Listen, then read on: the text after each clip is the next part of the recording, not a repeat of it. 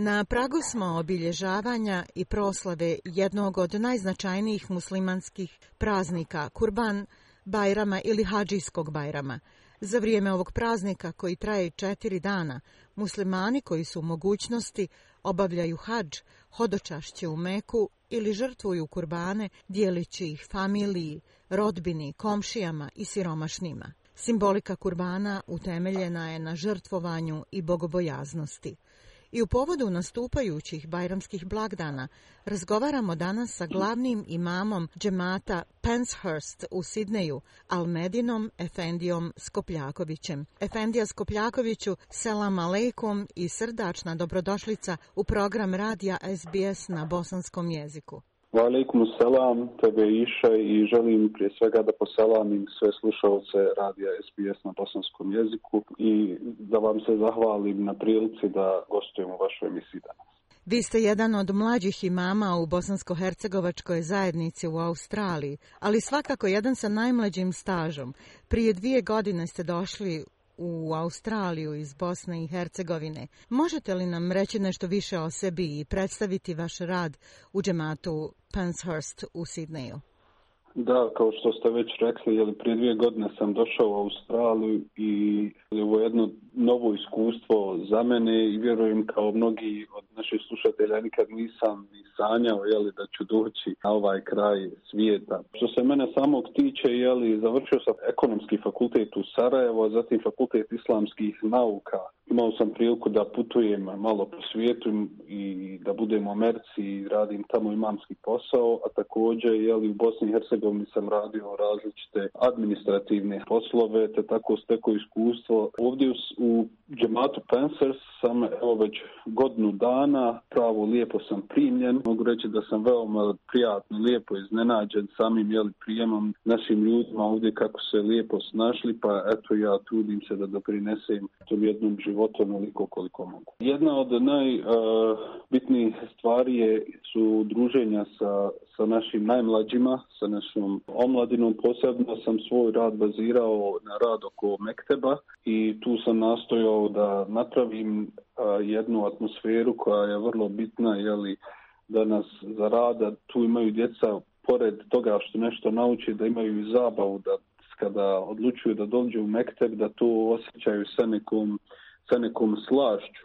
Da smo napravili različite neke aktivnosti, posebno je bio aktivan Ramazan, gdje smo sa djecom različite aktivnosti pravili sa odraslima. Također je jedna od stvari koju bi želio istaći je i tikjaf koji smo ovog Ramazana napravili, koji je prvi put u historiji ove džamije urađen, evo već koliko je ovdje ili džema 30-40 godina prisutan, gdje smo imali pet ljudi koji su se odvojili ili od svojih familije proveli zadnjih deset dana Ramazana. Također, jedna od zadnjih aktivnosti je bilo u sklopu mreže mladi gdje smo napravili jednu akciju za prikupljanje novca za Palestinu, gdje smo opet uzeli naše mlade koji su crtali slike na temu Prijedora i Palestine, jeli, u tim danima smo obježavali dan bijeli traka, jeli, sjećajući se žrtava genocida u Prijedoru, te smo te slike prodavali na silent auction gdje su dolazili naše džamatlije i stavljali svoje cijene. Tako smo za jedno veće iskupili 20.000 dolara koje smo poslali kroz jednu humanitarnu organizaciju direktno za Palestinu, što predstavlja jednu vrlo lijepu aktivnost. Pored toga smo organizirali jeli, jednu šetnju. Na ne znam koliko je poznato javnosti, ali evo, iz našeg džamata je potekla inicijativa za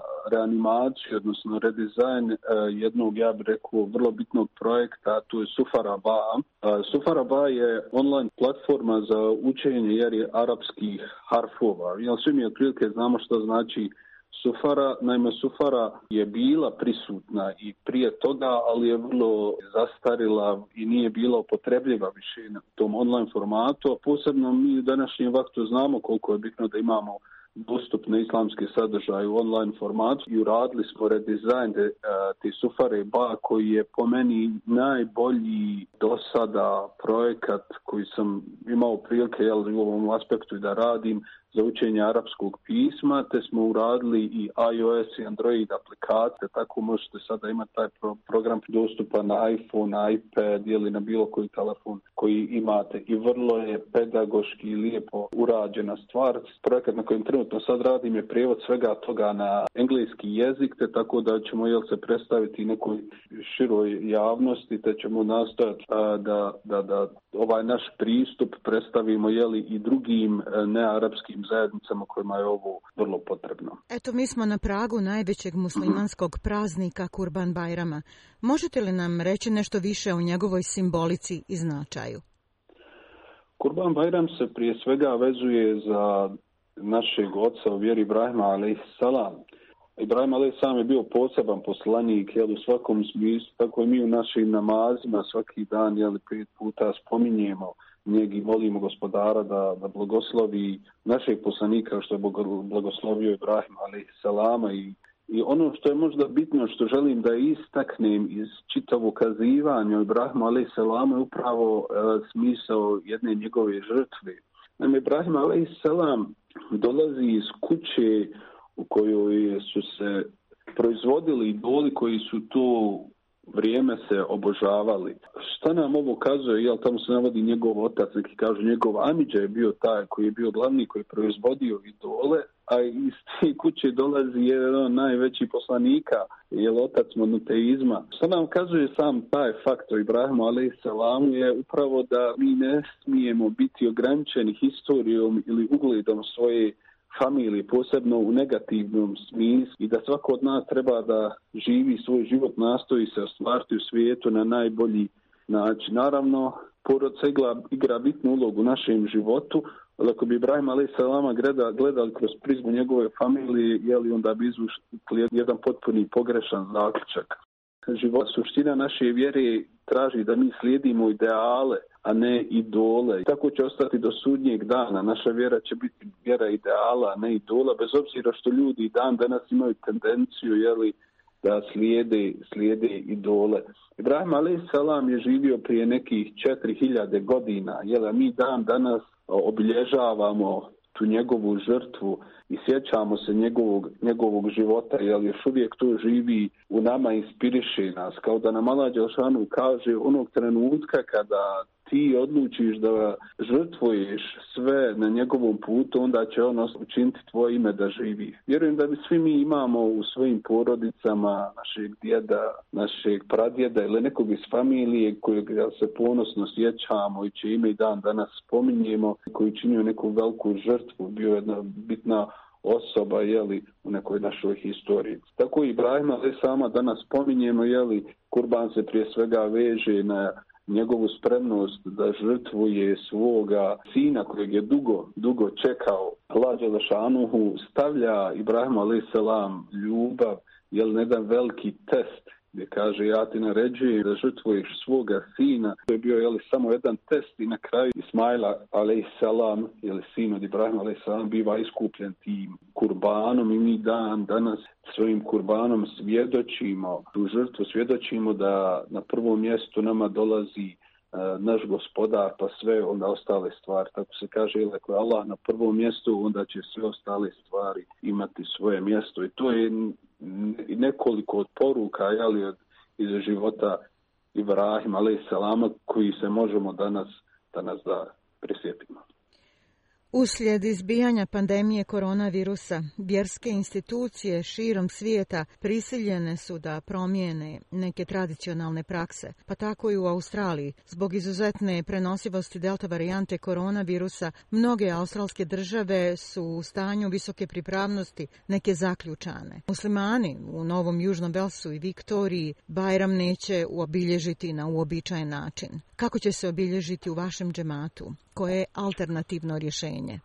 Da, kao što ste rekli, posebno, na primjer, mi u Sidneju sada doživljavamo najteže mjere lockdowna od kako je pandemija počela. Mi naravno ćemo se potruditi da napravimo neki sadržaj za Bajrama, to će se uglavnom gledati u jednom bajramskom jutarnjem programu koji će početi učenjem Kur'ana, jeli jednim kraćim predavanjem i naravno bajramskom hudbom. Naše džamije su zatvorene, niko neće biti u mogućnosti da prisustvuje obavljanju Bajram namaza. To je jeli, jedna žalosna stvar, jedna žalosna situacija, ali naravno jeli, imat ćemo priliku da ponudimo online sadržaj, pa se nadamo, jeli, ako ništa, da barem tako ispunimo svoje bajramsko jutro. Ipak, jedan od temeljnih aksioma islamskog učenja i prihvatanje određenja, zadate situacije koju ne možemo izmijeniti. U tom kontekstu sagledavanja stanja u kojem smo se zatekli, negubljenja nade i visokog duha, koja bi bila vaša poruka vjernicima, muslimanima, Efendija Skopljakoviću? Islamsko vjerovanje u sudbinu, jeli, kaže da mi vjerujemo da sve što je bilo, deslo se bilo sa Allahovom voljom njegovim određenjima, stvari koje će se desiti jeli, u određenoj mjeri ovisi od aktivnostima koje ćemo mi poduzeti. Tako da a, vrlo je bitan naš odnos prema nama sama i prema drugim ljudima u ovom teškom vremenu, jeli, vrlo nezgodnim situacijama u kojima se danas nalazimo, pogotovo društveno gledano. Vrlo je bitno da shvatimo da jel, sve se dešava sa Allahovom Đelešanu u boljom, pa tako da smatramo da je to dobra prilika za nas. Jeli, čuo sam mnogi prijatelja koji jeli, na neki način se raduju, se radovali jeli, čitavom ovom lockdownu sa aspekta da su uh, napravili jedan značajan jeli, uspon, development, što bi ovdje rekli, na personalnom nivou, tako da jeli, to bi bio moj savjet svima nama koji smo u lockdownu, da iskoristimo ovo, da poradimo na nekim stvarima, ali ovo je prilika da, da, da shvatimo da trebamo nekada malo i stati, da trebamo malo i saburati, da nikad da ne možemo uvijek očekivati da nam život pruži ono što je na neki način najbolje i što bi trebalo biti nama najdostupnije, nego da se neka trebamo malo i saburati na situaciji koja jest i trud se da iskoristimo ono što je najbolje iz toga, jel, u skladu sa hadisom, da vjerniku nikad se ne može desiti nešto loše, kaže prvi poslanik, ali salam, kaže, ako ga desi dobro, on mu se, kaže, na tome zahvali, pa mu kaže Allah upiše dobro djelo. Ako mu se desi nešto što mu ne godi, nešto što nije toliko dobro sa nekog aspekta, kaže on na tome sabura, kaže pa mu Allah Đešanu, jeli, i zato upiše jedno dobro djelo. Tako da život vjernika je uvijek optimističan i on nikada ne gubi je li ovdje bi istakao, je li gubimo onda kada odlučimo da napravimo grešku, odnosno da griješimo prema uzvišenom gospodaru, ali tada imamo otvorena vrata oprosta. Hvala vam najljepša i na izvojenom vremenu i na ovoj lijepoj poruci Efendija Skopljakoviću. Mi vama želimo puno radosti, zdravlja, sreće i uspjeha u budućem radu. Bajram Šerif Mubarek Olson.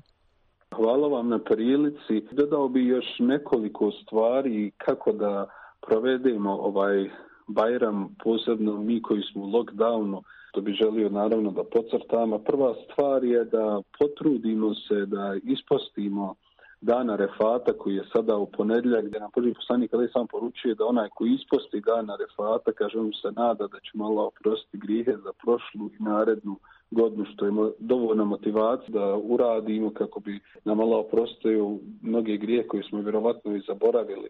I druga stvar je li da utorak na dan Bajrama, obzirom da ne možemo da dođemo u džamiju, barem ustanemo i obavimo sabah namaz, koji je farz i veća vrijednost nego što je to sam Bajram namaz, jer sabah namaz bi trebali obavljati svakog jutra, ali eto, za one koji ne obavljaju da bar taj dan to urade, Treća stvar je da jeli taj dan uzmemo kao neradni, da provedemo sa svojim porodicama, da pripremimo bajramski doručak, da nagradimo svoju djecu, da se lijepo obučemo. Jeli tužna je naša situacija, ali trebamo se potruditi da uradimo ono što je do nas.